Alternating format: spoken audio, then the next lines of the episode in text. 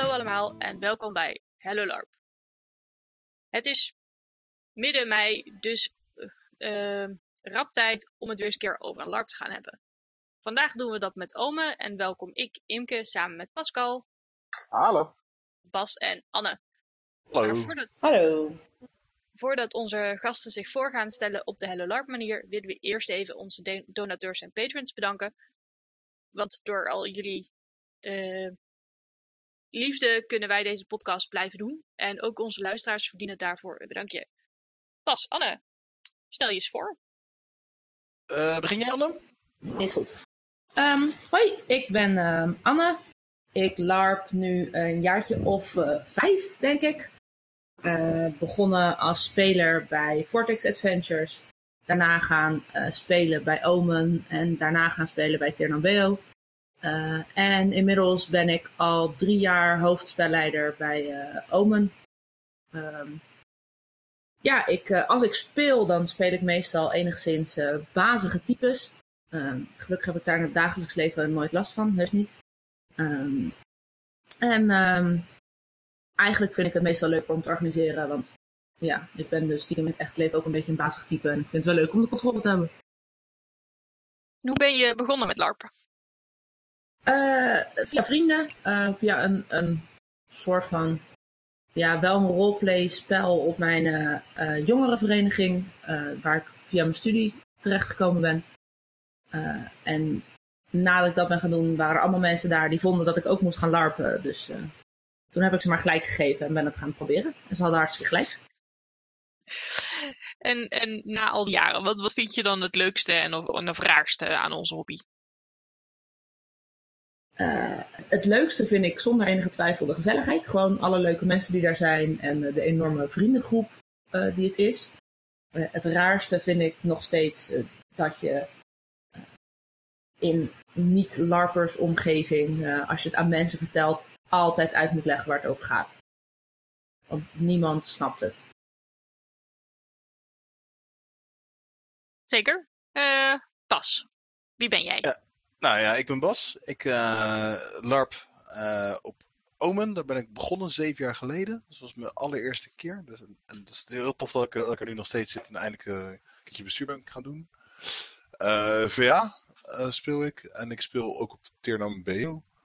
Ehm, de rollen die ik meestal speel zijn ja, karakters die de metafysica induiken. die heel veel invloed hebben. En voor een selecte groep mensen heel erg aardig is. Maar het merendeel van de mensen vinden me een lul. Uh, of omdat ik ze intimideer, of omdat ik er zo uitzie. Uh, en ja, daar heb ik wel, uh, wel vrede mee natuurlijk. Maar dat vind ik gewoon, gewoon leuk om neer te zetten. op VA speel ik Jabba. Ik ben fractieleider geweest van Metaal. Ah, dat verklaart waarom ik je stem niet herken. Als je net bij Metaal komt. Precies dat. Ik, ik, ik herken hem prima wat dat betreft. Ja, ik ben die grote kale die wel eens in de vijfhoek staat. Ja, dat weet ik. Ja, ja de, de, de andere scary dude. De andere, ik weet niet wie er nog meer scary zijn. Nou, Anne ziet er nou ook niet bepaald uit als het engeltje. ben ik ook niet. Nou ja, ik, uh, ik ben uh, begonnen met LARP uh, omdat gewoon een vriend een keer zei: Hey, lijkt dat je wat. Zei ik, nou ja, een weekend lang in de bossen rennen, ik weet het niet zo. Ik, uh, ik deed daarvoor deed ik ook wel aan, uh, aan wel live roleplay uh, op mijn studentenvereniging ook, dezelfde vereniging ook waar Anne zit. en diezelfde mensen gingen ook allemaal al naar VA toe en naar Omen. dus ik zei, nou ja, ik ga een keertje mee, ik ga een keertje kijken, kijken wat het vindt. En nu zeven jaar later blijkt het toch erg leuk te vinden. En is het toch wel de leukste hobby die ik heb. Ja, het leukste, dat sluit me heel erg aan bij andere gezelligheid. Dat je je vrienden gewoon, gewoon spreekt. Dat je gewoon uh, dingen bij elkaar kan doen.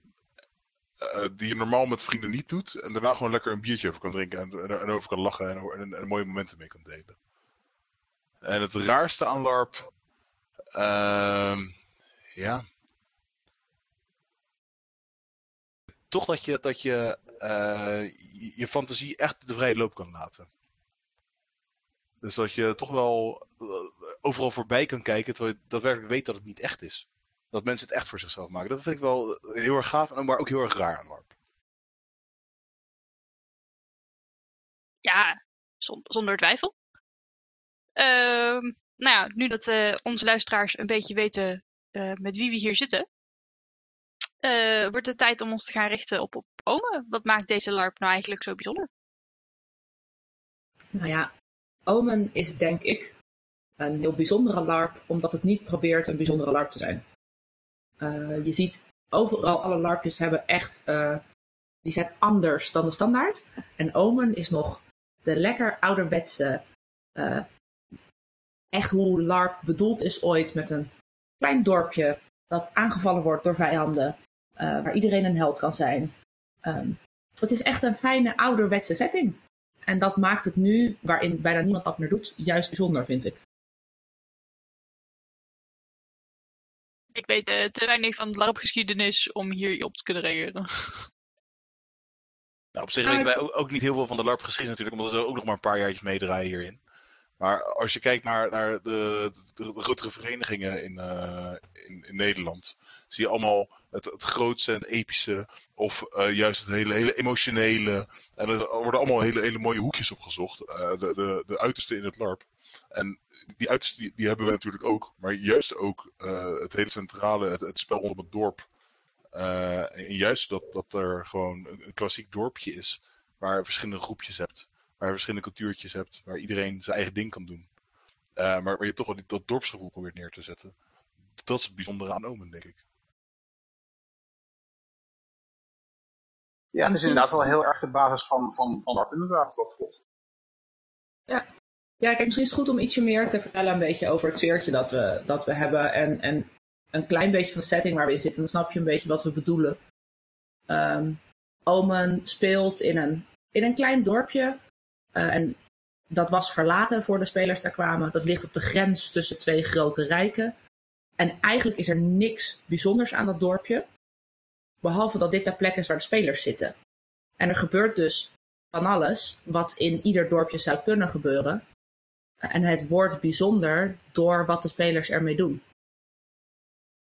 En dat betekent dat er dus ook heel veel, eh, zo- zowel heel veel simpele dingen als hele moeilijke dingen zijn, afhankelijk van waar de spelers naar gaan zoeken.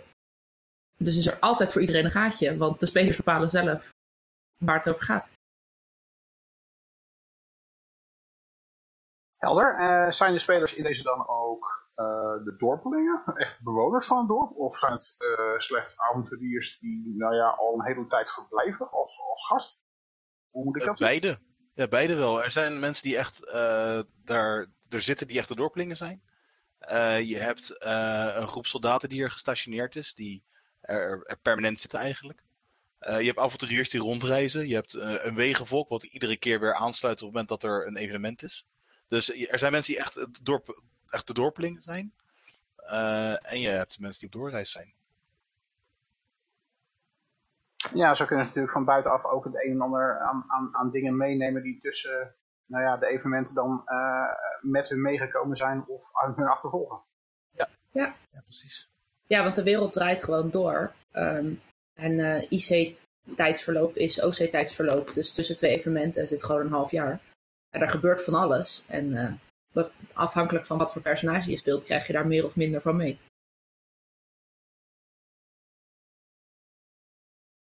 Ja, duidelijk. Eh, dit, is, dit is ook eh, wat dat betreft jullie, eh, jullie doel met deze LARP om, om, om het op deze manier neer te zetten en op deze manier te houden? Of hebben jullie nog andere doelen die jullie willen bereiken? Uiteindelijk is het belangrijkste doel dat iedereen het gewoon heel erg naar zijn zin heeft en dat het gezellig is. Ehm, en wij vinden dat je dat het, het best bereikt als je iedereen daar dus zijn eigen plekje in geeft en volledig de vrijheid geeft om te spelen wat hij daarin wil. Mits het binnen de setting past natuurlijk. Ja, er zijn wel bepaalde dingen die metafysisch gewoon niet kunnen. Ja, dat, dat, dat kan ik me heel goed voorstellen. Niet alles past in een, eh, ik neem aan, een middeleeuws, eh beetje fantasy-achtig setting eh, dorpje. Ja, precies. Ja, eh, zo- sowieso uh, zit dit, dit nog voor het buskruid. Eh, en het is, eh, ja, als je op zoek bent naar de high fantasy, kan je het vinden. Maar eh, we, we, we gaan ervan uit dat het, dat het low fantasy is en middeleeuws, ja. Ja, je komt geen draak tegen, maar wel dwergen en elfen, zeg maar. En als je gaat zoeken naar een draak, zou die er zomaar kunnen zijn. Maar hij komt niet zomaar dorp in. Dat is een beetje... Er, er, zijn- er zijn meer, meer versies van draken dan eh, alleen degene met vleugels. Ja, dat is ook waar. Er komen wel draken van personages in soms, maar dat is toch weer anders. Nee, Het, het, het- het is maar hoe je je draak wil specificeren. Ja, ja. Ehm, maar willen jullie dan ook eigenlijk met Omen bereiken dat het een, een ouderwetse LARP is, eh, een, een, een simpele LARP zoals die ooit bedoeld was? Of is er iets anders wat jullie met eh, Omen willen bereiken? Ja, ik denk dat we met Omen willen bereiken is zoals Anna zei, dat het gewoon dat mensen eh, naar huis gaan en eigenlijk uitgeruster thuiskomen dat ze naartoe zijn gegaan. Ze moeten het gewoon een mooie tijd hebben gehad. Eh, gewoon nieuwe mensen leren kennen. eh, met, de vrienden die je hebt. eh, gewoon gezellig eh, door kunnen gaan. Maar dat is meer, meer het doel eromheen en niet zozeer het doel van, van onze setting. Dus het is meer het doel van het organiseren van een LARP. En het organiseren van een activiteit voor, voor meerdere mensen. Daar wil ik ook wel even aan toevoegen trouwens, dat als iemand juist naar de LARP komt om zichzelf helemaal eh, eh, eh, in het rondje te rennen en zichzelf af te matten, dat, die- dat we dat dus juist ook faciliteren.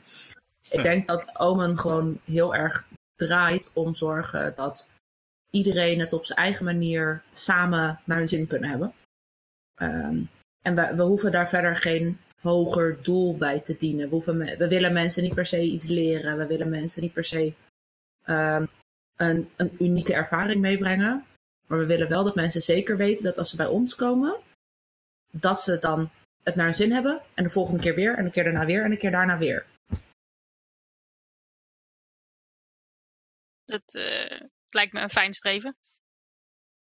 Ja, het is denk ik eh, een, een heel aardig beginpunt voor iedere lang. Absoluut. En Oh. eh, want, want jullie zijn dan volgens mij ook eh, vrij nieuw bij de organisatie van, van Ome. Ehm, weten jullie iets over het verhaal achter deze LARP? Hoe ze erop zijn gekomen om dit op te zetten? Eh, ik heb toevallig heb ik eh, een van de eerste spelleiders vanavond over gesproken. Want ik wilde toch even weten hoe zij ooit ermee zijn begonnen. Ik heb het, eh, ik heb het nu drie jaar geleden heb ik het overgenomen van het vorige bestuur. Samen met een aantal andere van mijn bestuursleden. De vorige bestuur zei: Hey jongens, eh, het is een mooie tijd geweest, maar wij, gaan, wij willen ermee stoppen. Toen zeiden wij: wij willen niet kapot laten gaan. We willen gewoon, we willen gewoon door. Want we vinden het leuk, we hebben naar ons zin. Eh, dus toen hebben wij gezegd: ja, wij nemen het over. Maar eigenlijk zijn ge- geen van ons die nu bestuur zijn, zijn bij het begin geweest. En dus we hebben even gevraagd. En blijkbaar was er een. Voor Omen was er een, een ander LARPje wat eh, werd georganiseerd. Eh, waarvan de, de, de vorige speler ook niet wist wat exact de naam er meer van was. Maar die stopte ermee. En dat had een beetje een D&D-vibe volgens hem. En die D&D-vibe miste, miste in, in de LARP. Eh, dus besloot eh, Jeroen, Jeroen van Geem toen de tijd, ik wil eigenlijk wel een, een, een nieuw LARPje beginnen. Eh, wat, wat, wat die D&D-vibe een beetje heeft. Dus eh, veel spreuken, veel eh, classes, veel races. met cross-class skills. Dus eigenlijk zoals je het hele oude AD&D-boek hebt. Ik weet niet of je, of je dat ooit hebt gelezen. Het over, over draken van dingen gesproken. Het AD&D-systeem is echt een draak van een systeem. Maar, maar dat is echt de basis geweest van het allereerste eerste Omen... van de Omen playtest. Dus van, van Omen 1. 2004 was dat, dus dat is ook al wel weer een tijdje terug. Dat is eh, zeker een tijd weg. Eh, en, en de AD&D waar je naar verwijst, dat is eh, voor mij zeer bekend. Het is mijn eerste aanraking geweest met de hele roleplay scene. Dus Ja, voor mij ook. Ja. Ja. Absoluut. het is, het is een, een, een beetje een draak van een systeem. En toch, kijk, en toch vind ik het nog best aardig. Ja, het is toch omdat het je jeugdherinneringen zijn, denk ik. En de hoeveelheid opties die het bood. Ja, zeker waar. En diezelfde opties, die, die zaten dus ook eh, in, in, het, eh, in het eerste Owen regelsysteem. Ehm, met, met, ik denk, een regel, eh, nee, een spreukenboek van ongeveer eh, 400 pagina's. Omdat gewoon één op één alle spreuken gekopieerd waren uit het D&D-regelboek. Ehm, Oh, wauw. Eh, ja, nu weet je ondertussen als je LARPt dat je dat gewoon niet uit je hoofd kan leren, al die spreuken. Dus we zijn over de jaren heen, zijn we wel teruggegaan, het aantal spreuken. Maar we hebben wel nog steeds voor iedere god en voor ieder element hebben we echt ons eigen eh spreukenset. En het heeft allemaal een eigen, eigen smaakje. Ja, gelukkig wel iets minder complex dan het was. Het is nu gewoon uh, te overzien. Maar het heeft nog, nog, steeds, uh, nog steeds wel classes bijvoorbeeld in het systeem zitten. Waar je uit kan kiezen. En, uh, en daarmee nog echt wel een beetje die D&D-vibe. Ah, oké. Maar als ik, als ik het zo hoor, uh, dan moet ik bij jullie regelboek dus niet denken aan uh, een, een, een Heimer-achtig systeem waarbij ik echt uh, drie dagen moet studeren? Of is het toch wel verder? Nee, nee, nee, nee, zeker niet. Niet meer, gelukkig. Nee, dat is, dat is, wel zo geweest, ja. Maar we hebben echt geprobeerd om, om zo, zo, makkelijk mogelijk te maken. Bij ons hoef je bijvoorbeeld geen XP uit te geven aan het gebruiken van wapens of een panzer. Als je, als je het op kunt tillen, dan kan je ermee omgaan. Dus we, hebben, we zijn gewoon zo makkelijk mogelijk gegaan. Uh, ja, en daar werkt een spreukertje over leren wat op iedere, uh, op, volgens mij voor iedere LARP veel is. Dat is bij ons ook nog steeds gewoon veel spreuken. Met wel ja, dat... het, het verschil dat je bij ons uh, geen vaste woorden hebt voor spreuken. Dus je mag zelf bepalen wat jouw incantatie is, als je er maar genoeg woorden aan uitspreekt. Dus dat scheelt wel iets in het uit je hoofd leren. Maar uh, nou meen ik me te herinneren dat je toen straks het over had dat het uh, dan wel high fantasy is in de zin van dat je elfen en, en dwergen en eventueel nog wel een draak hebt. Maar dat het voor de rest low fantasy is qua uh, meer magie en dat het echt meer dat, dat ouderwetser is. Ehm, hoe, hoe zit dat dan met, met magie? Nou, ik, ik vind de aanwezigheid van elfen of dwergen niet per se meteen high fantasy maken. Ik vind uh, High Fantasy meer een, een, een LARP zoals Vortex. Uh, waarin uh, de, de, de, dienaren van de goden, de servitors, naar beneden komen. En even komen zeggen dat jullie het allemaal verkeerd hebben gedaan. En legers aan, aan, aan, aan ondoden en chaos aanhangers die iedereen helemaal dood komen slaan. Yeah. dat, dat zie ik meer als high fantasy. En de aanwezigheid van bepaalde rassen in het systeem en dat er magie gebruikt kan worden, vind ik nog wel wat lower fantasy. Maar dat is mijn kijk erop. Ik weet niet hoe andere mensen daarop kijken natuurlijk. Ja, ik denk dat je het ook heel erg, uh, wat we hiermee bedoelen, meer moet zien in hoe wij omgaan met het feit dat er magie is. Je kan daar heel um, hoog en diep over doen en hele moeilijke theorieën gaan maken over hoe het allemaal werkt. En bij Omen doen we dat niet. Uh, er, er zit natuurlijk een metafysica achter, maar die kan ik in een A4'tje voor je uitschrijven. Ga ik niet doen, want de spelers weten het niet. Want het maakt niet uit het is gewoon uiteindelijk een middeleeuwse wereld waar ook magie is. En voor iedereen is dat de doodnormaalste zaak van de wereld. Ja, en als ik, als ik zo'n beetje, een beetje aanvoel wat jullie aan het vertellen zijn, dan zit je meer in een, uh, als je naar D&D-termen vertaalt, een wereld waar je uh, laag level D&D-characters hebt. En wat pas wat jij een beetje aangeeft, is wat jij high fantasy noemt, is meer de, de, de high level D&D's, waarbij je inderdaad halfgoden en dergelijke ja, ja, ik denk dat dat een hele mooie beschrijving is van Omen. Dat gewoon de, de laag level uh, D&D parties. Ja. Nou, zo, zo, voelt, zo, voelt wat jullie tot nu toe vertellen ook wel heel erg aan, inderdaad, ook met het dorpje en, en, en de lokale problemen en, en, en, dingen, is, is inderdaad wel iets wat heel erg klassiek D&D uh, ook aan. Um, nou, is D&D jullie inspiratie geweest voor, voor het maken van de LARP. Uh, is dat ook uh, doorgetrokken in culturen en mythologie en dergelijke? Of zit daar een hele andere filosofie achter? Dat, dat is wel anders in de zin van je gaat onze setting niet terug kunnen vinden in de D&D-boeken. Ehm, qua, qua culturen denk ik dat we een vrij klassieke set hebben gekozen. Je hebt echt een, een mooi uh, keizer Karel-achtig keizerrijk en um, een, een wat meer Spaanse groep. En je hebt echt de hoogelfen met hun mooie gebouwen. En de woudelfen met hun natuurcultuur. Weet je, al dat soort dingen. De dwergen in hun bergen. Allemaal, dit soort dingen ga je er allemaal in terugvinden. Juist omdat we dat klassiek eh, erin willen houden. Uh, maar op gebied van mythologie hebben we wel echt een heel eigen verhaal. Uh, met eigen, eigen goden en eigen gebeurtenissen in, in het verleden. Die ook best wel in detail uitgewerkt zijn. Want we weten best wel aardig, tenminste de spelleiding weet best wel aardig in de, de 4000 jaar dat de wereld nu bestaat, wat er ongeveer wanneer gebeurd is. Uh, en daaruit komt heel veel mythologie voort, die de spelers dan vervolgens weer oppakken en volledig anders begrijpen, wat het alleen maar mythischer maakt. En dat is leuk. Ja, ja, ja dat, dat, dat is absoluut waar. Uh, jullie hebben het uh, even terug ook al even aangestipt.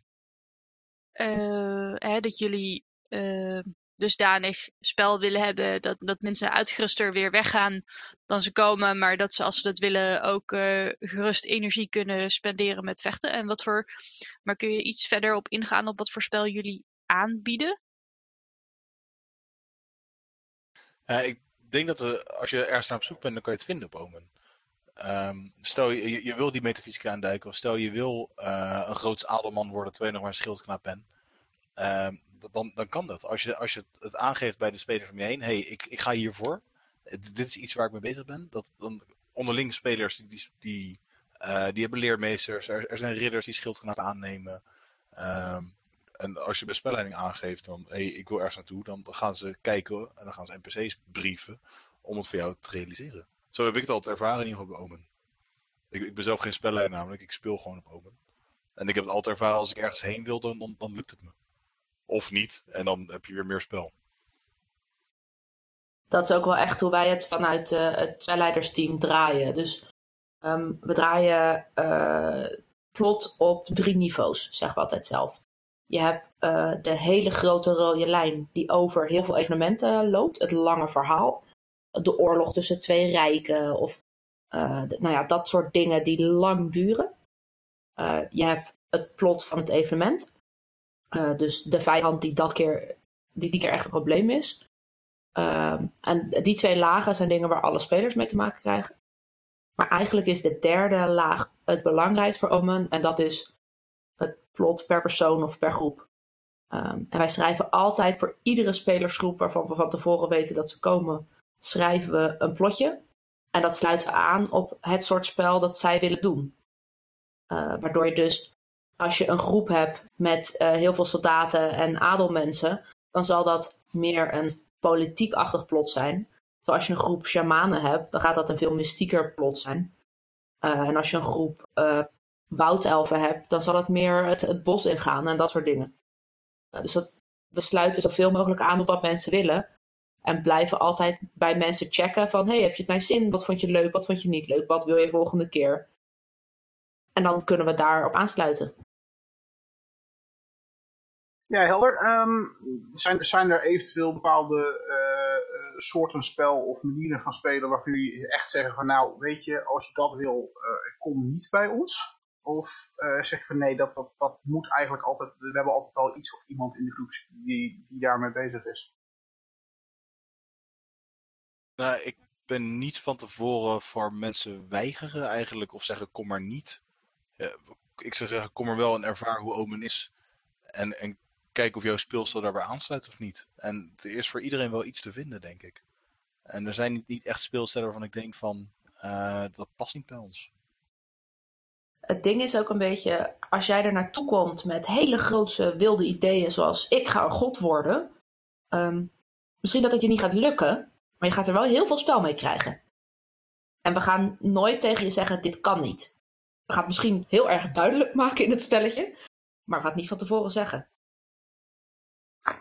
Nee, nee, snap ik. Um, nou, de reden dat wij dit met name ook uh, vragen, bijvoorbeeld met een, een andere LARP zoals Astera, uh, daar ook wel eens een uh, over gehad hebben. En zij bijvoorbeeld heel um, weinig combat gericht zijn. Dus als jij echt heel erg van het LARP vecht houdt, is dat misschien niet een LARP voor jou. Zo zijn er andere LARPs die misschien veel meer vechten zijn en veel minder politiek. Dat is voor sommige spelers misschien ook niet echt een match. Nee, snap ik. Nee, wij hebben daadwerkelijk en politiek en vechten en, en uh, puzzels uh, en uh, occulte, moeilijke, mystieke dingen. en emotioneel spel. En emotioneel spel. En zieners die echt helemaal, helemaal raar kunnen gaan, gaan doen en, en worden. Ehm, dus eigenlijk denk ik wel dat iedere speelstijl gewoon, gewoon ehm, ja, welkom is. Ja, iedereen, is welkom natuurlijk, maar zodat iedereen met zijn eigen speelstijl uh, zich kan vermaken bij ons. Het enige wat, wat ik wel ja, als waarschuwing misschien, maar heel klein waarschuwing mee zou geven is: um, als je echt niet van vechten houdt, echt, echt, echt niet van vechten houdt, uh, dan moet je in Omen wel een beetje schuiven daarin. Want we zijn soms, weet je, we gaan wel lekker hard. Um, en dan niet op de manier van we timmeren iedereen die uit de weg aan het rennen is in elkaar. Uh, maar er wordt wel gewoon lekker gevochten. En ik heb er nog nooit klachten over gehad. Maar als je er echt niet van houdt, dan is het niet voor jou. Ja, ook, ook, dat, ook dat is helemaal oké. Okay. Dus het is best prima dat, dat sommige LARPs niet voor sommige spelers uh, beschikbaar zijn. Of, er zijn er zoveel, er is voor iedereen wel wat te doen, denk ik. Daarom. Op dit, op dit moment heb ik nog een langere lijst dan mijn tijd toegestaan uh, is. Dus. uh. En Omen staat daar zeker nog tussen. Nee, je bent hard welkom. Uh, zijn er dan ook eigenlijk spelers op wie jullie uh, specifiek uh, richten, of juist specifiek niet? Uh, als mensen een bepaald iets willen spelen, zijn er dan requirements voor? We, we, raden mensen altijd aan om met een groep te komen. Dus je, je, kan als individu kan je naar Omen komen.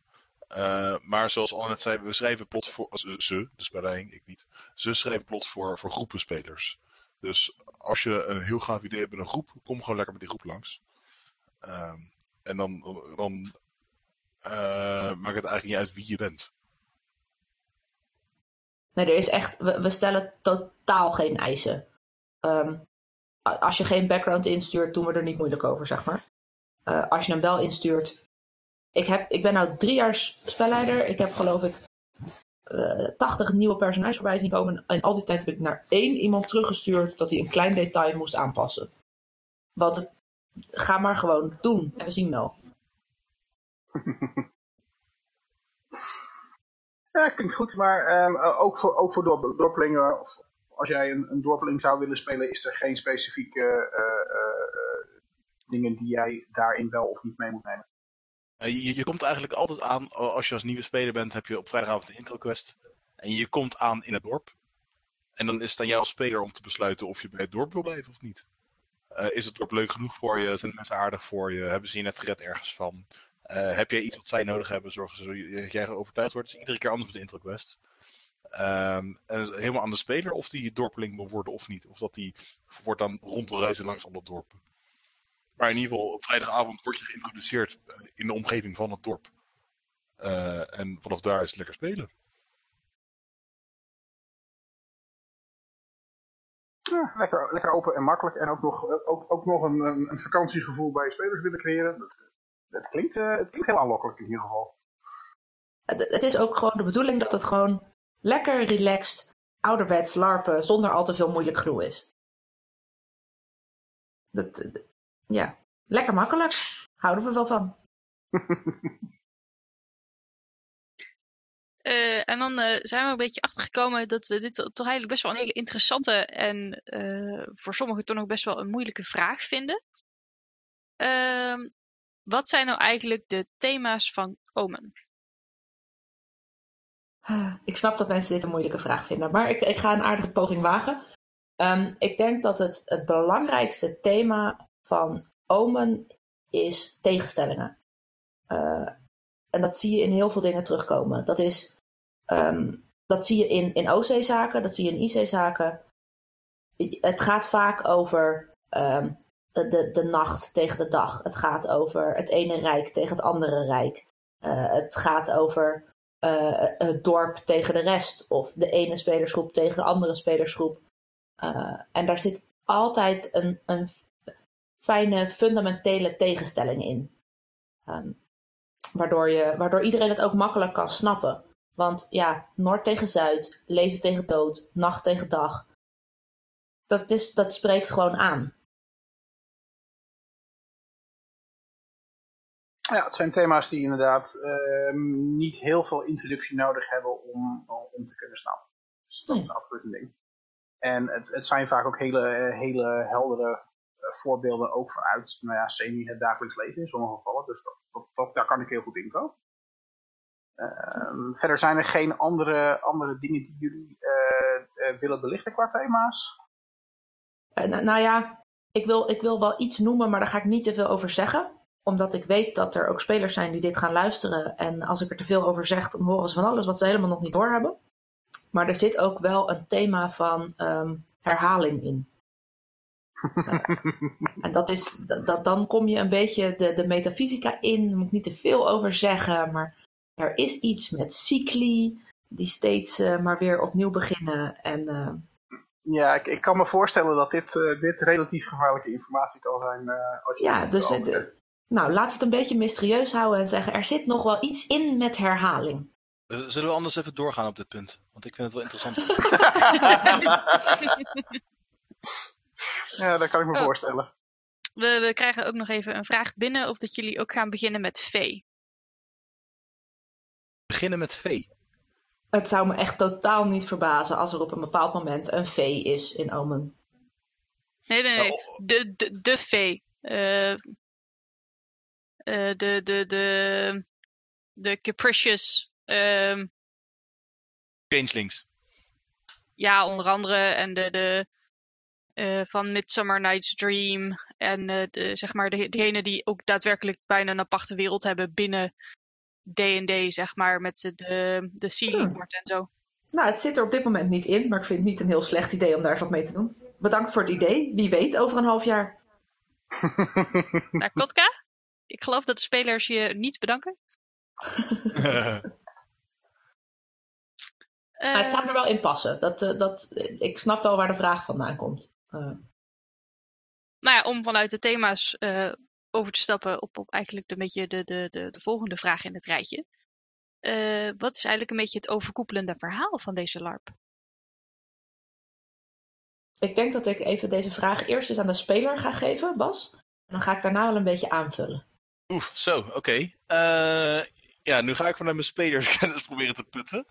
Ehm, op een gegeven moment, ik, ik had net gezegd dat de oude bestuurder op, mee ging ophouden. En dat het nieuwe bestuur ging overnemen. Nou, het oude bestuur en met de oude spelleiding hebben toen ook eh, een cyclus laten eindigen. En eh, bij het einde van die cyclus moesten er allemaal, allemaal dingen in een kist gestopt worden. En er stond er een, eh, was er een lijst met allemaal namen op die doorgestreept waren. Eh, maar dat heb ik natuurlijk niet gelezen, want mijn karakter kan niet lezen, dus ik heb geen idee waar het over ging. Maar er moesten allemaal voorwerpen verzameld worden, dat moest in die kist gestopt worden, want dat moest mee naar de volgende cyclus. Maar ja, als ergens een streep doorheen staat, betekent dat er steeds dingen verdwijnen.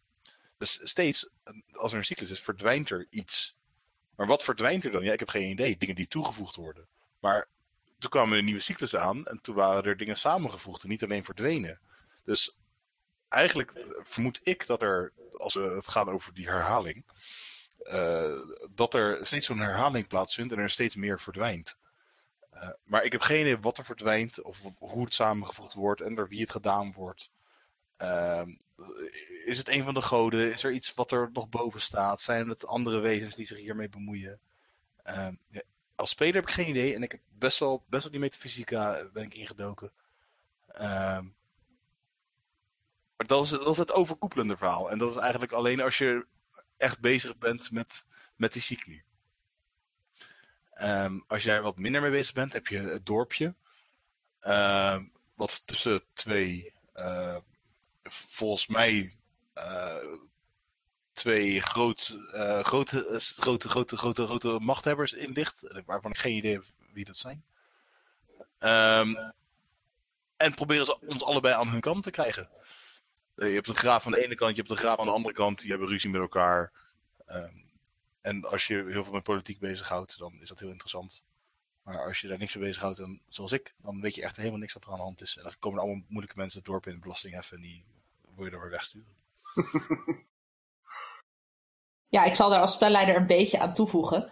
Eh, al raakt Bas heel aardig de noot hoor. Ehm, er zijn een soort van twee grote overkoepelende verhalen. Je hebt het, het verhaal, zoals hij zegt, over de politiek. Dus ehm, er, is een, een, er, er gebeuren dingen in de wereld. En daar zit een bepaalde lijn in, dat gaat een bepaalde kant op. En die kant die dat opgaat, zie je op verschillende plekken als je heel goed kijkt. Uh, de, de, politiek drijft een bepaalde kant op, maar ook de goden drijven een bepaalde kant op. Um, dat heeft een lijn. Um, ik vind het moeilijk daar over die lijn al te veel te, te zeggen, zonder dat spelers komend evenement opeens allemaal maar plot stappen. Uh, dus dat ga ik lekker niet doen. Uh, maar er is ook nog het veel grotere overkoepelende verhaal, waar spelers maar zeldzaam mee in aanraking komen omdat het zo groot is. En dat is de, de cycli. En een, een cyclus is als het ware een, ja, een, een, een run van de wereld. Dus de wereld start, er gebeurt van alles en op een gegeven moment eindigt die. En dan komt er een nieuwe cyclus. Uh, en zoals Bas al zei, er, er is dan van alles moeilijks met een kist en er verdwijnt van alles. En er zit een kracht achter, maar wat is dat nou? Moeilijk, moeilijk, niemand weet het. Uh, ja, wat is dat nou? Goeie vraag. Kom naar Omen, vind het uit. en de spelers zijn je dankbaar, want hebben ze eindelijk een antwoord. ja, nou geef het uh, een jaar of zeven, dan zijn ze misschien achter. is dat een inschatting van de, van de, de, de um, intelligentie van de uh, characters van de spelers? Of is dit gewoon meer een van, ik denk dat het toch wel zeven jaar duurt?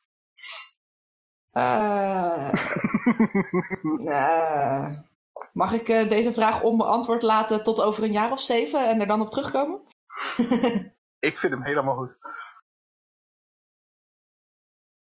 Um, ja, nu we nou toch op het, op het verhaal zitten, um, wat je er dan eventueel over kwijt wil, uh, wat, wat is uh, de, de, de lopende verhaallijn voor het aankomende evenement?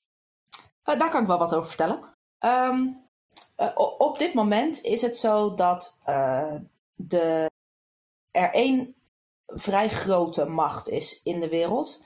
En dat is het keizerrijk. Um, en het keizerrijk was ooit heel erg groot. En nu is het gewoon groot. Want er zijn heel veel stukjes uitgevallen. En het dorp zit precies op de grens van dat keizerrijk. Uh, en net over de grens zit dus een van de stukjes die er zijn afgevallen. Uh, en het keizerrijk is al heel lang aan het wachten op een goed excuus om lekker oorlog te gaan voeren tegen dat stukje, om het er weer bij te krijgen. Uh, en de spelers zijn zo vriendelijk geweest om, volledig zonder dat de spelleiding dat bedacht had, die reden te geven. Dus het keizerrijk gaat nu oorlog voeren met het, het stukje oud keizerrijk aan de overkant van de grens. En het dorp zit daar midden tussenin. Uh, ondertussen is er ook nog een, um, een nog veel ouder rijk dat ondergronds onder het dorp begraven lag. Uh, en die hebben besloten dat dit een mooi moment is om wakker te worden. Dus de spelers zitten tussen drie walletjes in en uh, moeten keuzes gaan maken of niet en zich verstoppen. Dat uh, klinkt als een machtig verhaal. Dat hoop ik. Ligt volledig aan de spelers. Ja, dat is altijd de vraag wat ze gaan doen. Ja, ja, en ze krijgen wel dus echt de hele vrijheid. Want er zijn, zeg maar, ik, dit is het, het, het grote verhaal met die drie grote partijen. Maar er zijn nog heel veel kleine andere dingetjes aan het gebeuren. En de keuzes die ze maken gaan wel heel erg uitmaken voor hoe het loopt. En dat, dat vind ik altijd heel erg fijn, dat ik echt nog geen idee heb hoe het er op zondag bij gaat liggen. Dat is altijd een hele interessante. En op zich ook wel een hele leuke instelling als je inderdaad uh, het zover aan je spelers laat liggen. Ja, dat is ook wel wat we altijd proberen. Um, uiteindelijk merken wij dat het gewoon zowel voor de spelleiding als voor de spelers het leukste is als je nog niet bedacht hebt waar het heen gaat.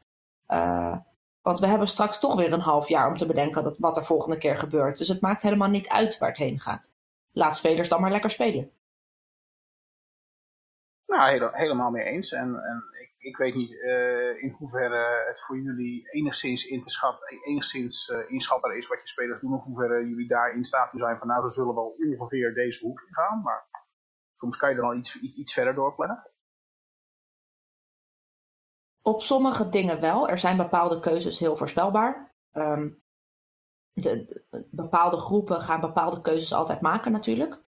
Uh, maar ik vind het juist ook leuk om het evenement zo te plannen dat de dingen zodanig in balans zijn dat we het echt niet weten.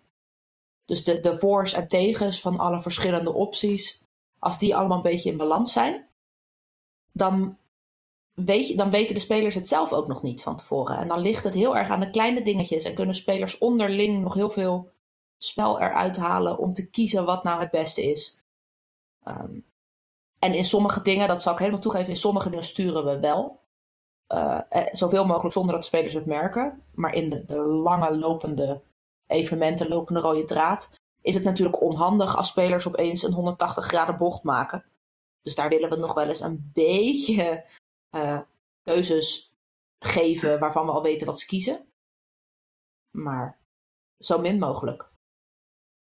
Ja, ik kan me voorstellen, je wil, je wil hier en daar ook wel een beetje door, uh, door het verhaal heen lopen op een, op een logische manier. Um, dan wil ik eigenlijk nog heel even terugstappen uh, naar een wat, wat meer concrete deel van de LARP, namelijk regelsets en dergelijke. We hadden het al eerder over, over de magie en over, je zei al van, nou, er zijn geen vaste woorden voor een spreuk, maar ik neem aan dat de calls wel vast zijn bijvoorbeeld. Ja, dat klopt. Dus dan moet ik me eigenlijk een beetje een systeem bedenken zoals Boeia dat kent. Die hebben dan ehm, eigenlijk het principe van het maakt niet zoveel uit wat je incanteert of, uh, of niet, of dat je het alleen met gebaren doet. Zolang het maar aan deze paar kleine voorwaarden voldoet en je die kant erachteraan gooit. Klopt dat? Uh, wat wij hebben is, uh, je moet een, voor iedere spreuk heb je een bepaald aantal woorden die je moet incanteren. En hoe hoger niveau de spreuk, hoe meer woorden. Dus een level 1 spreuk is 10 woorden, een level 5 spreuk is 50 woorden. En wat je in die woorden zegt en hoe hard jij ze zegt, Maakt helemaal niet uit. Als jij uh, een beetje tien woorden in je, in je handje fluistert en daarna je call roept, dan is dat helemaal prima. En meestal eindigt een spreuk dus wel met een call, zodat de ander weet wat er gebeurt. We hebben ook spreuken waarbij, je, uh, waarbij we ervan uitgaan, bijvoorbeeld spreuken die op touch effects zijn, waarbij we ervan uitgaan dat je even uitlegt aan de ander wat er gebeurt. Omdat dat nogal scheelt in de lengte van je calllijst en dus in wat mensen uit hun hoofd moeten leren.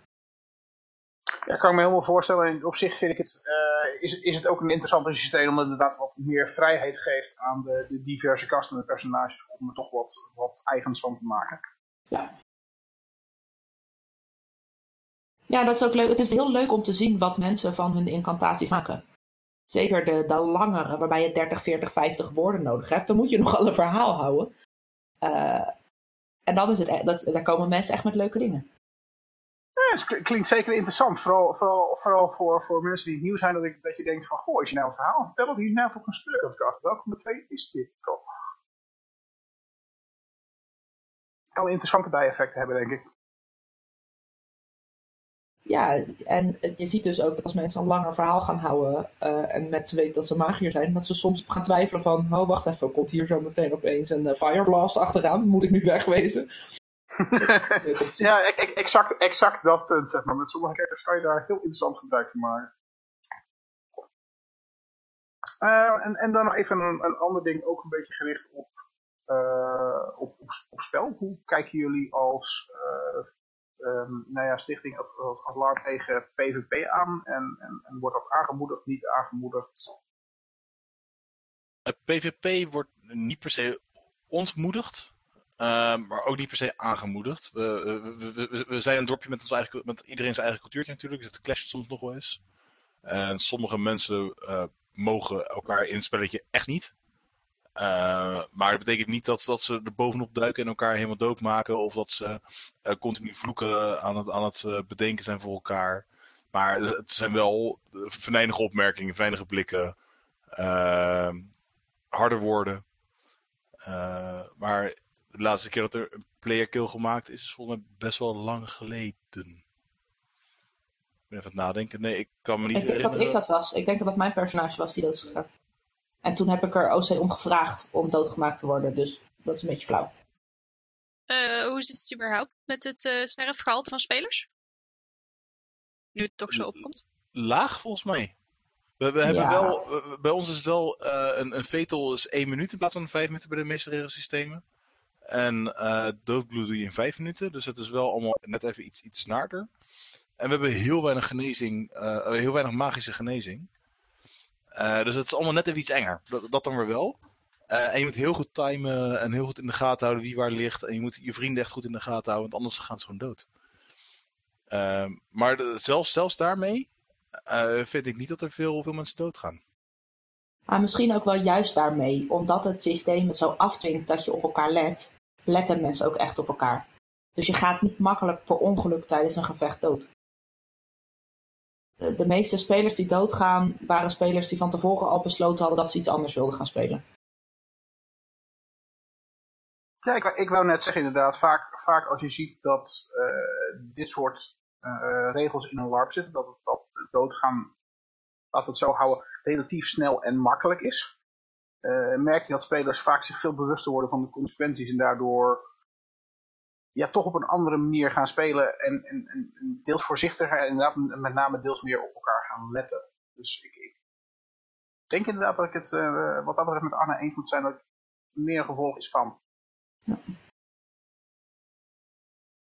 Um, en nou kregen we uh, nog een andere vraag binnen van Kotra die er niet uh, met, met stem bij kan zijn. Ja. Um, waarom is er eigenlijk niet veel magische genezing? Zijn er geen genezers of zijn er geen regels voor? Ja, die zijn er wel. We hebben een, een uh, godin, Moira.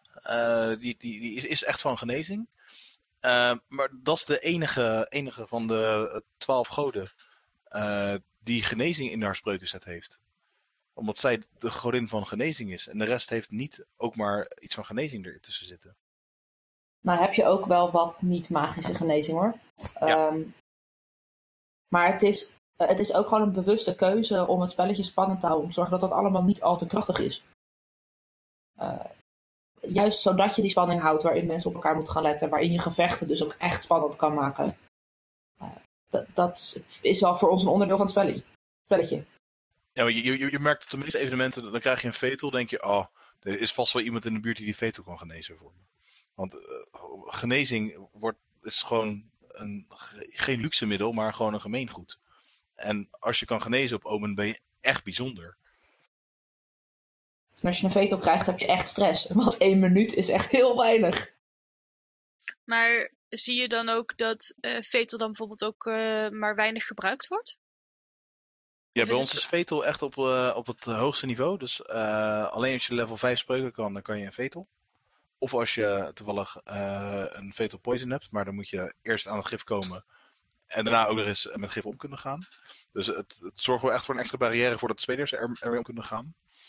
Um, en als speler heb ik wel eens tegenover over monsters gestaan die het ook kunnen. En dan, dan is het wel even slik altijd. Want dan sta je echt tegenover dingen die echt, echt heel erg sterk zijn. En hebben, jullie hebben alle twee ook heel erg veel ervaring met uh, VA. Ja. Uh, bij alle vier toevallig. Ja. uh, hoe zou je dat zeg maar vergelijken? Helemaal anders. Op, op VA is een, een vetel, een speler kan zomaar een vetel gooien in een gevecht. het is een, gewoon ook een power. En op Omen echt, ik heb nog nooit een speler gezien die in een gevecht besloot een vetel te gooien. Ten eerste omdat het echt heel hoog powerniveau is. Uh, en daarnaast omdat het ook onwijs duidelijk maken is dat je die power hebt. En dat is vaak helemaal niet zo handig, want gezien worden is niet per se goed. ja. ja, zeker gezien worden met dat soort powers kon er wel eens een probleem, kon wel een probleem opleveren. Ja de, de meeste um, manieren waarop jij een vetel kan, zeg maar de, de, de goden bijvoorbeeld waar je die kracht uit kan krijgen, uh, zijn ook niet de meest geliefde dingen. Dus je wil niet altijd helemaal publiekelijk maken dat jij daaraan verbonden bent. Dat, uh, dat lijkt me inderdaad ook uh, best wel lastig om mee om te gaan. Dat is een leuke uitdaging. Absoluut. Nou ben ik heel slecht in het, in het stellen van vragen over spelsystemen en, en regels. Dus dat, dat, wil ik graag aan Pascal overlaten. Of dat hij nog vragen heeft over dat uh, aspect. Um, nou, misschien even heel kort nog over um, uh, de klassen die jullie aangeven. Hoe, hoe strikt ben je daaraan gebonden als uh, speler? Um, je zei dat er nog klassen zaten in de, in de kerkenbouw?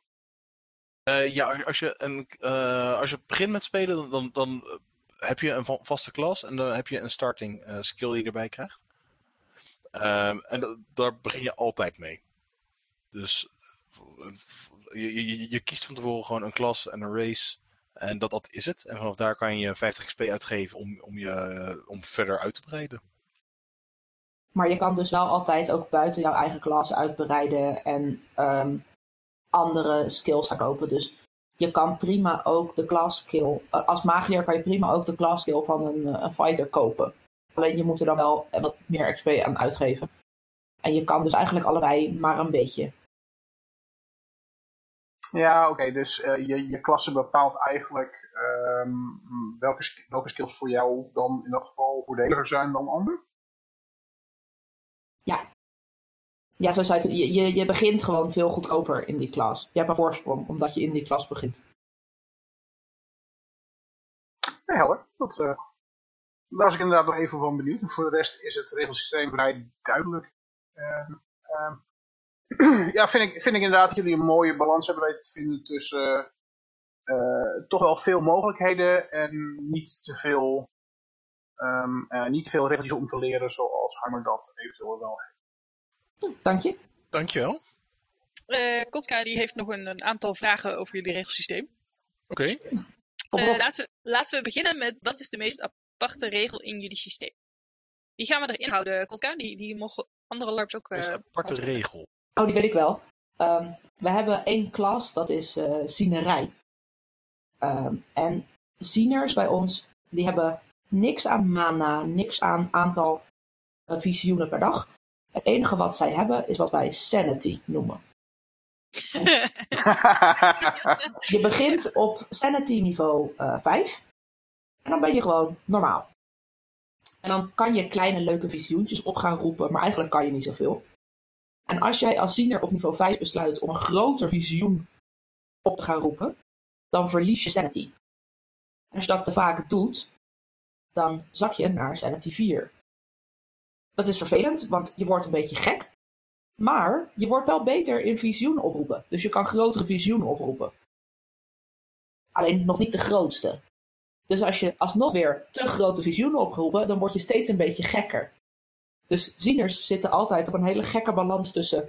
Ik wil graag mijn power gebruiken, namelijk visioenen oproepen, maar ik wil niet helemaal gek worden. En daarmee kan je dus personages krijgen die niet zo goed zijn in die balans en na drie eh, eh, evenementen gewoon helemaal knetterlijp zijn. Eh, alles in de hele wereld kunnen zien, maar het aan niemand meer uit kunnen leggen door hoe gek ze zijn. dat, dat lijkt me inderdaad bijzonder lastig om te spelen ook. Eh, ik heb het gedaan en ik vond het heel leuk. Maar het is wel, het is de enige klas waar we bij zeggen, dit moet je niet gaan spelen als je eh, onzeker in schoenen staat en weinig larpervaring hebt. Want eh, het is wel eh, heftig. Ik zou het heel moeilijk vinden om te spelen in ieder geval. Ik zou het zelfs met, met, met mijn huidige spelerspersonage moeilijk vinden.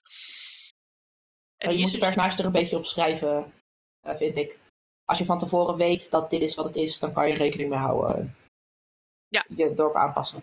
Het, het klinkt mij als een hele interessante uitdaging. Maar... Ja, Zeker, het is- ja. Pa- Pascal, Ja. dit is inderdaad een uitdaging die ik jou wil geven. Ga naar Alme toe en ga een ziener spelen. Ja, ik, ik, zag, zien. ik, zag al, ik zag al meer dingen eh, in de, in de lijst waarvan ik denk, "Eh, daar kan ik ook nog dingen mee. Dus wat dat Ja, maar dat, betreft, dat, dat, lijkt me nu ook echt interessant om jou dat te zien spelen. Want ik heb nu twee van jouw personages gezien. Ehm, en, en dit is iets wat ik jou echt nog helemaal Ja. niet heb, heb, eh, soort van heb zien doen. Dus ik ben echt heel benieuwd hoe jij dat op zou pakken. wie weet, wie weet of de tijd het een keer toelaat. Oh, Kotka biedt, biedt zich aan om het met je te spelen. ik ga erover nadenken, dat is, eh, dat is zeker een ding. Maar terug naar de eh, vraag van eh, Kotka. Hebben jullie verschillende, ehm, hebben verschillende rassen verschillende aantal punten? En zo ja, waarom? Zo nee, waarom? Eh, in de vorige regels was dat wel zo, maar dat hebben we eruit gehaald uiteindelijk. Want dat, we willen, het gewoon gelijk trekken allemaal. En geen speciale starting. eh, de dingen ook nog eens bij, verschillende rassen neerzetten. Want sommige mensen kunnen gewoon echt geen gnoom neerzetten bijvoorbeeld. Daar kan helemaal niemand meer een genoom in eh, neerzetten, want dat mag niet meer. Maar, maar ook, het is ook een beetje, eh, wat ook niet zo chill is, is als mensen een ras gaan kiezen, omdat dat leuk past bij de powertjes die ze dan krijgen. Eh, je wil gewoon dat als iemand besluit een dwerg neer te gaan zetten, dat hij dat doet omdat hij het super tof vindt om een dwerg neer te gaan zetten. Want dan krijg je ook mensen die echt goed hun best doen om een dwerg neer te zetten. Ja, die snap ik helemaal inderdaad. Het is, het is een beetje jammer in, eh, als je inderdaad mensen gaat krijgen die gaan bouwen op, op, op speci- specifieke powers en, en, en dingen. En, en dan maar een, klas, een, een ras pakken. Ja, precies. Ja. En het zijn nou eenmaal larpers die gaan eh powertjes kiezen eh, die ze leuk vinden. En dat moeten ze vooral doen. Ja. Dat, is, dat is juist leuk, maar dan liever niet als ras. Ehm, en hoe zit het eigenlijk met jullie leersysteem? best wel simpel eigenlijk. Eh, je kan tot een bepaald niveau kan je alles gewoon leren. Eh, daar, daar hoef je niks mee. En boven dat niveau heb je altijd een leermeester nodig. Eh, en dat is bijna altijd een NPC. Als speler kun je geen leermeester zijn? Het kan wel, maar het gebeurt bijna nooit. Ook omdat we, eventjes op mijn eigen schouder kloppen, vaak best wel grappige encounters neerzetten voor mensen die zo'n hoge skill willen leren en daar heel veel spel mee kunnen maken. Uh, dus dan is het ook gewoon leuker om het bij de spelleiding te halen dan bij een andere speler te halen. Ja, dat, heeft dan inderdaad zeker wel zo, zo, zo zijn, voordelen. Nou ja, ik bedoel, uiteindelijk is het maar zolang het spel oplevert. Maar ik, uh, ik geloof wel dat er echt spelers zijn die het leuk vinden om leermeester te zijn. Maar is het dan ook bijvoorbeeld mogelijk om een soort leermeester te zijn zonder dat er wellicht iets van skills of zo aanhangen? En dan ben ik, dan weet ik eigenlijk helemaal niet waar ik mee heen wou. Maar dat maakt Uh, ja, dat, dat, dat kan. Ik, ik ben zelf leermeester strength, terwijl ik zelf één strength heb, terwijl je er vier kan hebben. Uh, ik laat mensen gewoon lekker rondjes rennen, tegen elkaar worstelen, opdrukken, rond, rondjouwen met boomstammen. Dus uh, als, je, als je zegt dat, dat je het gaat doen en je laat lekker mensen gewoon lekker gek doen, dan, kan alles toch. Zolang er geen, geen andere skills aan verbonden zijn of mensen niet daadwerkelijk powers ervoor krijgen, dan kan je gewoon met het spel alles doen. Ja, ja, dus je hebt niet, hè, bij, uh, bij de Vortex was het zo dat je uh, op een hele specifieke manier kon je leermeester zijn. Ja, weet ik. Maar ja. uh, nou ja, hoe dat we dat nu allemaal gaan zien, dat, dat weet nog niemand. Nee, nog niemand inderdaad, ja. Uh, maar bij Omen heb je niet per se een kaartje nodig van hallo, jij mag leermeester zijn. Dus zolang, zolang jij het wil uitspelen, dan mag jij dat zijn. Maar voor die lagere niveau skills dus wel. En dat is echt het overgrote deel kan het dus voor. Alleen echt voor de hogere niveaus waar echt de, de, de heftige powers in komen, kan het niet. Ja, voor, voor mij is het vrij helder. Uh, Pascal, Kotka, hebben we nog andere vragen over het uh, uh, regelsysteem? misschien even, even interessant voor, voor nieuwe spelers ook. Um, hoe zit het bij jullie met XP? En, en hoe hard loopt dat op? Want je zegt je start met 50, uh, 50 XP en dat, dat is per systeem een beetje veel of weinig. Ja, je start inderdaad met, met 50 XP en je krijgt per event dat je, dat je speelt, krijg je er nog eens... Uh, hoeveel is het tegenwoordig? Uh, 10. Ja, inderdaad, bij 10 bij. Uh, en ja, je, uh, in geval van magie uh, begin je met magie 1 is 10 XP, magie 2 is 15 XP. Magie 3 is 20 XP en dat, dat bouwt zo op naar, naar magie 5. Um, maar dan krijg je dan geen mana bij. Mana moet je ook nog los erbij kopen. Uh, en op een gegeven moment van een bepaald niveau. Dus je, je kan kiezen, ik, ik wil alleen maar magie uh, 2 en voor de rest heel veel mana. Of je kan zeggen, ik wil heel weinig mana, maar wel die ene level 4 spray kunnen op een gegeven moment. dus uh, we laten mensen daar ook vrij in om te kiezen. Um, maar je, je, merkt wel dat als een nieuwe speler uh, binnenkomt, en er zijn dan mensen die al, zes evenementen spelen, die zijn dan twee keer zo sterk als iemand. Ja. Dat is ook wel een beetje expres hoor. Dat past ook wel bij dat waar we het eerder over hadden, uh, dat je een beetje D &D. lage levels D&D speelt. Uh, je moet ook niet gelijk als grote held beginnen, want dat is helemaal niet waar het over gaat.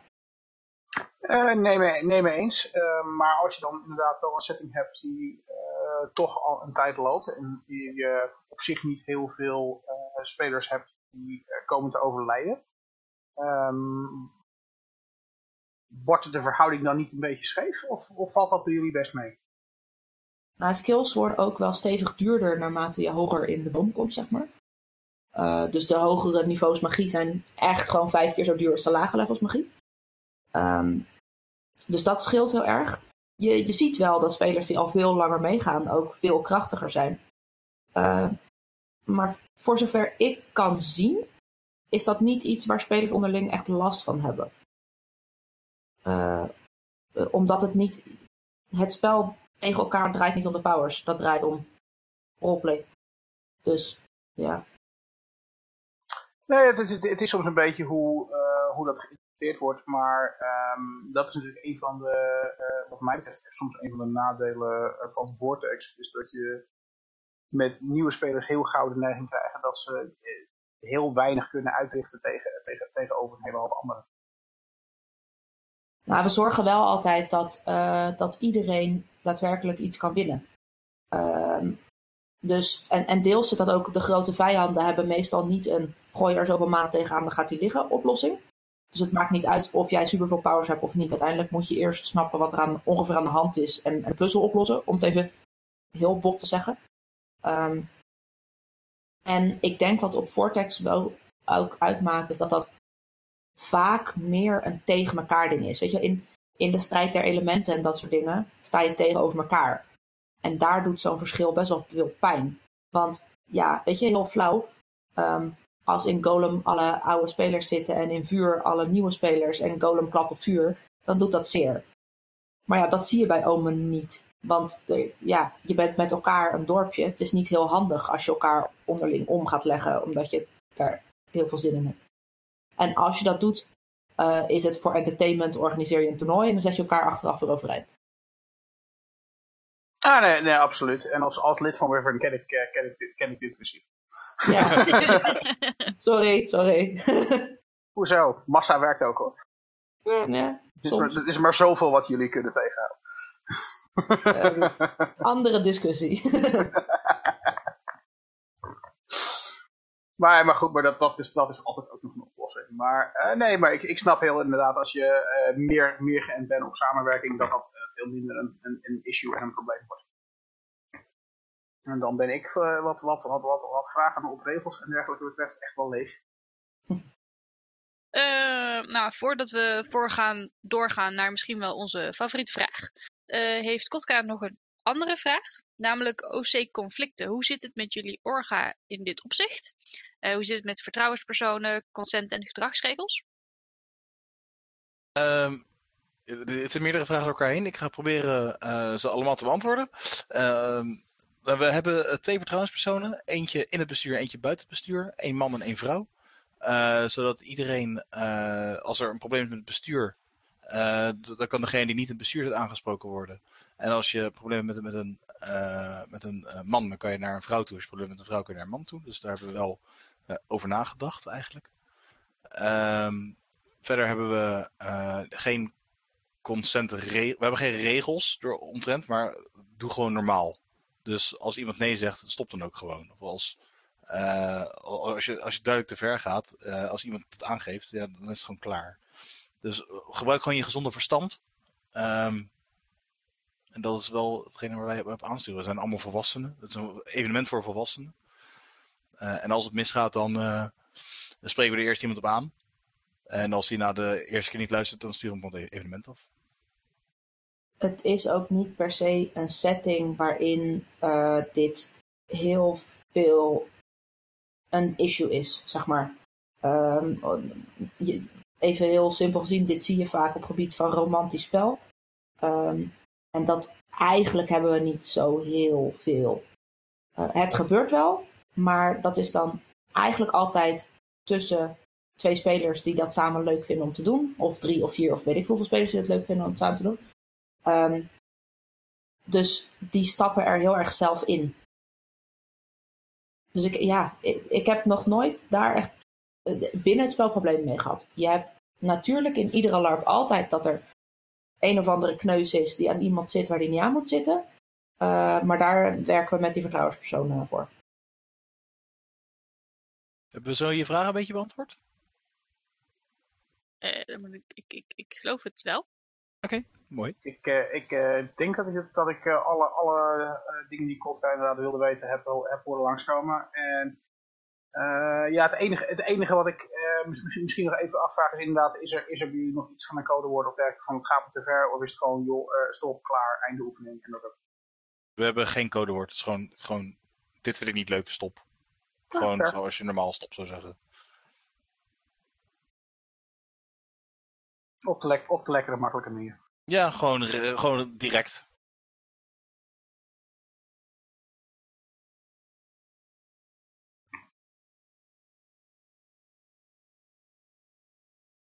Nou, dan hebben we inderdaad nog de, de, de meest uh, uh, ja, favoriete vraag misschien wel. Um, wat, wat zijn de leukste spelmomenten die uh, op Omen zijn ontstaan voor jullie? Oh, eindeloze lijsten. Ja. Wil jij eerst pas? Ja, ik vind hem ook heel lastig. Maar ik, ik, Eh, een van mijn favoriete evenementen wel was. eh, op een gegeven moment waren er, waren er problemen met, met de put. We hebben zo'n hele grote waterput, werkende waterput. Hebben we in het midden van het dorpje staan. Dat is de, plek waar iedereen natuurlijk bijeenkomt.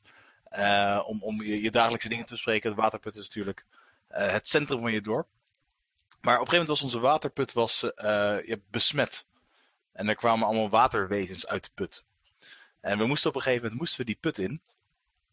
Eh, en ik, we, werden, eh, we spelen op het eh, terrein bij Zeeland, het uh, Inca-terrein. En het Inca-terrein is helemaal aan de achterkant is helemaal omvergetrokken, helemaal omvergegooid. Dus al die oude bomen lagen daar. En het was één weerwar van stammen en lag over aarde. Het was eigenlijk een soort dolhof. En toen werden we door de spelleiding werden we daar geblinddoekt doorheen geleid. En je voelde elkaar net een beetje, net te ver van elkaar af. Um, en die, je voelde die, die, die, wortels van die bomen. Je dacht, waar, ben ik überhaupt? Want we hadden geen idee, want we waren er geblinddoekt heen geleid. En op een gegeven moment mochten we onze blinddoek afdoen. En we zagen allemaal potjes voor ons staan. En een paar fakkels. Dat was midden, midden in de nacht ergens. Um, en we moesten naar elkaar schreeuwen, maar we stonden net te ver van elkaar af. En dat was eigenlijk los als totale paniek aan het ontstaan. Uh, terwijl we met onze handen in die potjes moesten reiken, waar een soort vieze, uh, plakkerige gel in zat, waar we dingen uit moesten halen. Dus het was echt complete paniek. En niemand wist wat er moest gebeuren. Uh, en uiteindelijk hebben we daar de dag kunnen redden. En hebben we uh, die potjes mee kunnen nemen. Weer, weer terug die put uitgeklauterd. Uh, en dan kijkt het hele dorpje aan. Wat hebben jullie eigenlijk gedaan? Dat niemand, niemand weet wat er gebeurde. terwijl wij eigenlijk het, het allemaal geregeld en gered hebben. dus de volgende dag kwamen er allemaal monsters uit de put gerend. Die helemaal bepakt waren in, in hetzelfde vieze spul waar wij ons handen in hebben gestoken. Uh, en dat was gewoon één grote ranzige, smerige bende. En ik vond het echt, echt een van de leukste dingen die ik daar heb meegemaakt. Liters en liters en liters aan hele goedkope haargel. Fantastisch. ja, het, het, uh, het, was echt, echt heel ranzig. Uh, en je, mensen waren gewoon echt oprecht bang voor wat er tegen je aangegooid zou worden. En het, bleef maar die put uitvliegen ook. Ja, dat was heerlijk. Ik, ik kan me voorstellen dat spelleiding hier absoluut van genoten heeft. Ja! dat was heel hard. nee, het was echt heel, het is heel leuk om... Uh, mensen hebben niet gelijk door dat het haargel is. Ze hebben geen idee wat het is. Uh, en op een gegeven moment was het zo uit de hand gelopen dat er gewoon um, smurrie uit de put kwam vliegen. Dus er stonden er een paar spelleiders naast de put met haargel naar mensen te gooien. dat, dat was wel een beetje te grappig eigenlijk. Oh, heerlijk. Ah. Maar ook echt uh, van die felgroene haargel dan ook echt? Of had het een ander kleurtje? Een geel was het. Oh, was nee, blauw. blauw. Was blauw, ja, ja. Oh, ja, ja. Prachtig. We hadden wel even getest of het geen blijvende vlekken op kleding en zo achterliet. Dus. Of op Worden mensen wel blij van? Is wel zo aardig. Ja. ja, en ik denk van, van, van, van, van wat recenter, ik denk van afgelopen keer het uh, grote toernooi. We hebben, oh, die wilde ik ook noemen. Oh, die, dan, dan, dan mag jij hem zeggen. Nou, doe jij maar. Ik, had, ik heb nog wel handen. Nou, het, uh, we doen eens in zoveel tijd doen we met Omen. Dan wordt, wordt er vanuit de spelers wordt er een, een feest georganiseerd. En uh, soms is het een baby shower, soms is het een huwelijk. Uh, soms is het ter ere van een verjaardag van iemand. Noem maar op. Eigenlijk om, om de beurt de spelersgroep doet iets. En de afgelopen keer had mijn spelersgroep het idee om een toernooi te organiseren. Dus met één op één gevechten, uh, groep tegen groep gevechten, uh, een Bard die een liedje zingt en een Bardic contest. en het was gewoon echt heel leuk. De, de adel zat een beetje te kijken, het volk zat eromheen, er waren weddenschappen. en het heeft gewoon bijna, bijna de halve zaterdagmiddag geduurd. En het was gewoon één grote, grote gezellige bende. En dat, ik denk dat dat ook wel een mooie omschrijving is van wat Omen is. Wat ik ook echt indrukwekkend vond, is er werd van tevoren al gezegd er gaan ook magiersgevechten zijn. En ik als spelleiding dacht, oh nee, magiersgevechten. Dan krijg je twee spelers die dingen tegen elkaar gaan roepen, die dan niks, die, waar je niks van ziet, want het is een spelletje. Dit wordt echt heel erg lelijk. Maar de magiërs met elkaar maakten er echt wat moois van. En ze deden allemaal onwijs hun best om echt om die hits heel erg uit te spelen. En er werd er eentje versteend. En het was echt gewoon, het zag er heel erg echt en mooi uit. En dat was wel dat ik als spelleider even dacht: Oh, ik ben zo trots op mijn spelers. Ze kunnen zelfs een magiersgevecht er goed uit laten zien. Hoe cool is dat? Eh, dat kan inderdaad met LARP nog wel eens een, een uitdaging zijn om dat echt, echt mooi, eh, mooi, Ja. mooi weg te krijgen. Ja, dat Nee, was je- echt je- mooi. ja, heb je gelijk. Dat, dat was ook wel echt mooi. Ook, ook een van de hoogtepunten. Dan eh, denk ik dat we eh, helaas eigenlijk alweer aan het einde van de aflevering zijn gekomen. Want ik vond het onwijs stof eh, om met jullie te mogen praten en jullie enthousiasme te horen over Ome. Daar word ik als eh, host erg bijzonder blij van. Leuk, leuk, leuk. Leuk, ja. Leuk om erover te mogen vertellen hier. Ik Ja, hoop zeker. dat er wat mensen enthousiast geworden zijn en het een keertje willen proberen. Oh, oh, mag ik nog één ding zeggen? Ik ben één heel belangrijk ding vergeten te zeggen. Zeg het alsjeblieft! Ehm, wat ik ook heel echt een van de toffere dingen aan Omen vind, is dat we, ehm, zoals iedere LARP, een onwijze, gezellige monstercrew hebben. Eh, maar wat ik ook soort van, wat ik, waar ik te trots op ben om het niet te zeggen, is dat je bij ons oprecht kan zeggen dat als je komt monsteren, dat het goedkoper is om te komen monsteren dan om thuis te blijven. Dan om thuis te blijven. Die vind ik interessant, want je krijgt geld dan of zo. Eh, nee, maar je krijgt wel eten en overnachtingen en drinken en, en, en meer van, van dat soort meuk voor vrij weinig geld. Dus zeg maar, als je thuis avondeten moet maken, ben je meer geld kwijt. Ja, ja. Eh, en tot eh, wanneer kunnen mensen zich nog inschrijven voor Omen? Nee, je kan eh, zelfs bij de portal aankomen. nog, nog op de dag zelf, op de vrijdag zelf, kan je nog betalen. Maar het liefst hebben we dat mensen zich van tevoren inschrijven natuurlijk. Eh, en we spelen eh, 7, 8 en 9 juni op het Inca-terrein in Zeeland. Dus dat Dus- is al bijna. Dus luisteraars, zijn jullie ook zo enthousiast geworden over Omen? Eh, schrijf je dan in of eh, ga naar. Uh, Het- www.omen-larp.nl Nou, daarheen dus. Schrijf je daarin. Of ga naar de boord als je op het laatste moment besluit om ook nog te komen. En eh, beleef al die geweldige verhalen. En eh, nou ja, lieve luisteraars, eh, deze podcast staat en valt met jullie.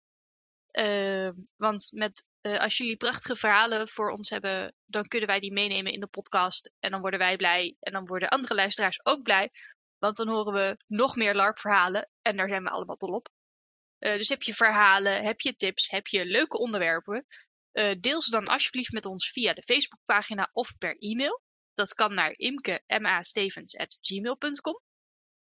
En dan hopen wij heel erg dat wij in de nabije toekomst een aflevering voorbij zien komen met jullie woorden en ideeën. Eh, nou, dat, dat de podcast, eh, die willen wij heel erg graag dat die blijft bestaan. We willen ook heel erg graag dat die beter wordt. En daar hebben wij, naast dat jullie ons al die leuke verhalen, tips en leuke onderwerpen sturen, nog ander hulp bij nodig. Namelijk, eh, als jullie een klein beetje naar ons kunnen doneren, dan kunnen wij de techniek aan de praat houden en eh, verbeteren. Eh, zoals om de zoveel tijd mogelijk een nieuwe headset of microfoon of whatever aanschaffen, zodat iedereen nog beter te verstaan is van ons. Wil je een donatie doen, dan kun je dat doen door contact met ons op te nemen via de Facebookpagina. Je kan ook patron eh, worden via hellolar.nl en dan betaal je een, een vast klein bedrag per maand. Dat kan al met zo weinig als 1 dollar in de maand en dan help je ons echt al verschrikkelijk. En dan eh, kun je iets meer kwijt, kun je bijvoorbeeld 5 dollar in de maand kwijt. Dan krijg je eh, op woensdag al toegang tot de afleveringen. Ehm, en je kunt ook een kijkje krijgen in de notities van de aflevering, zodat je ziet hoe wij die opbouwen. En kan er ook gestemd worden op toekomstige afleveringen. Kun je niks missen, ehm, dan help je ons ook nog steeds door over onze podcast te scanderen bij iedereen die je kent. En daarmee is het tot volgende week.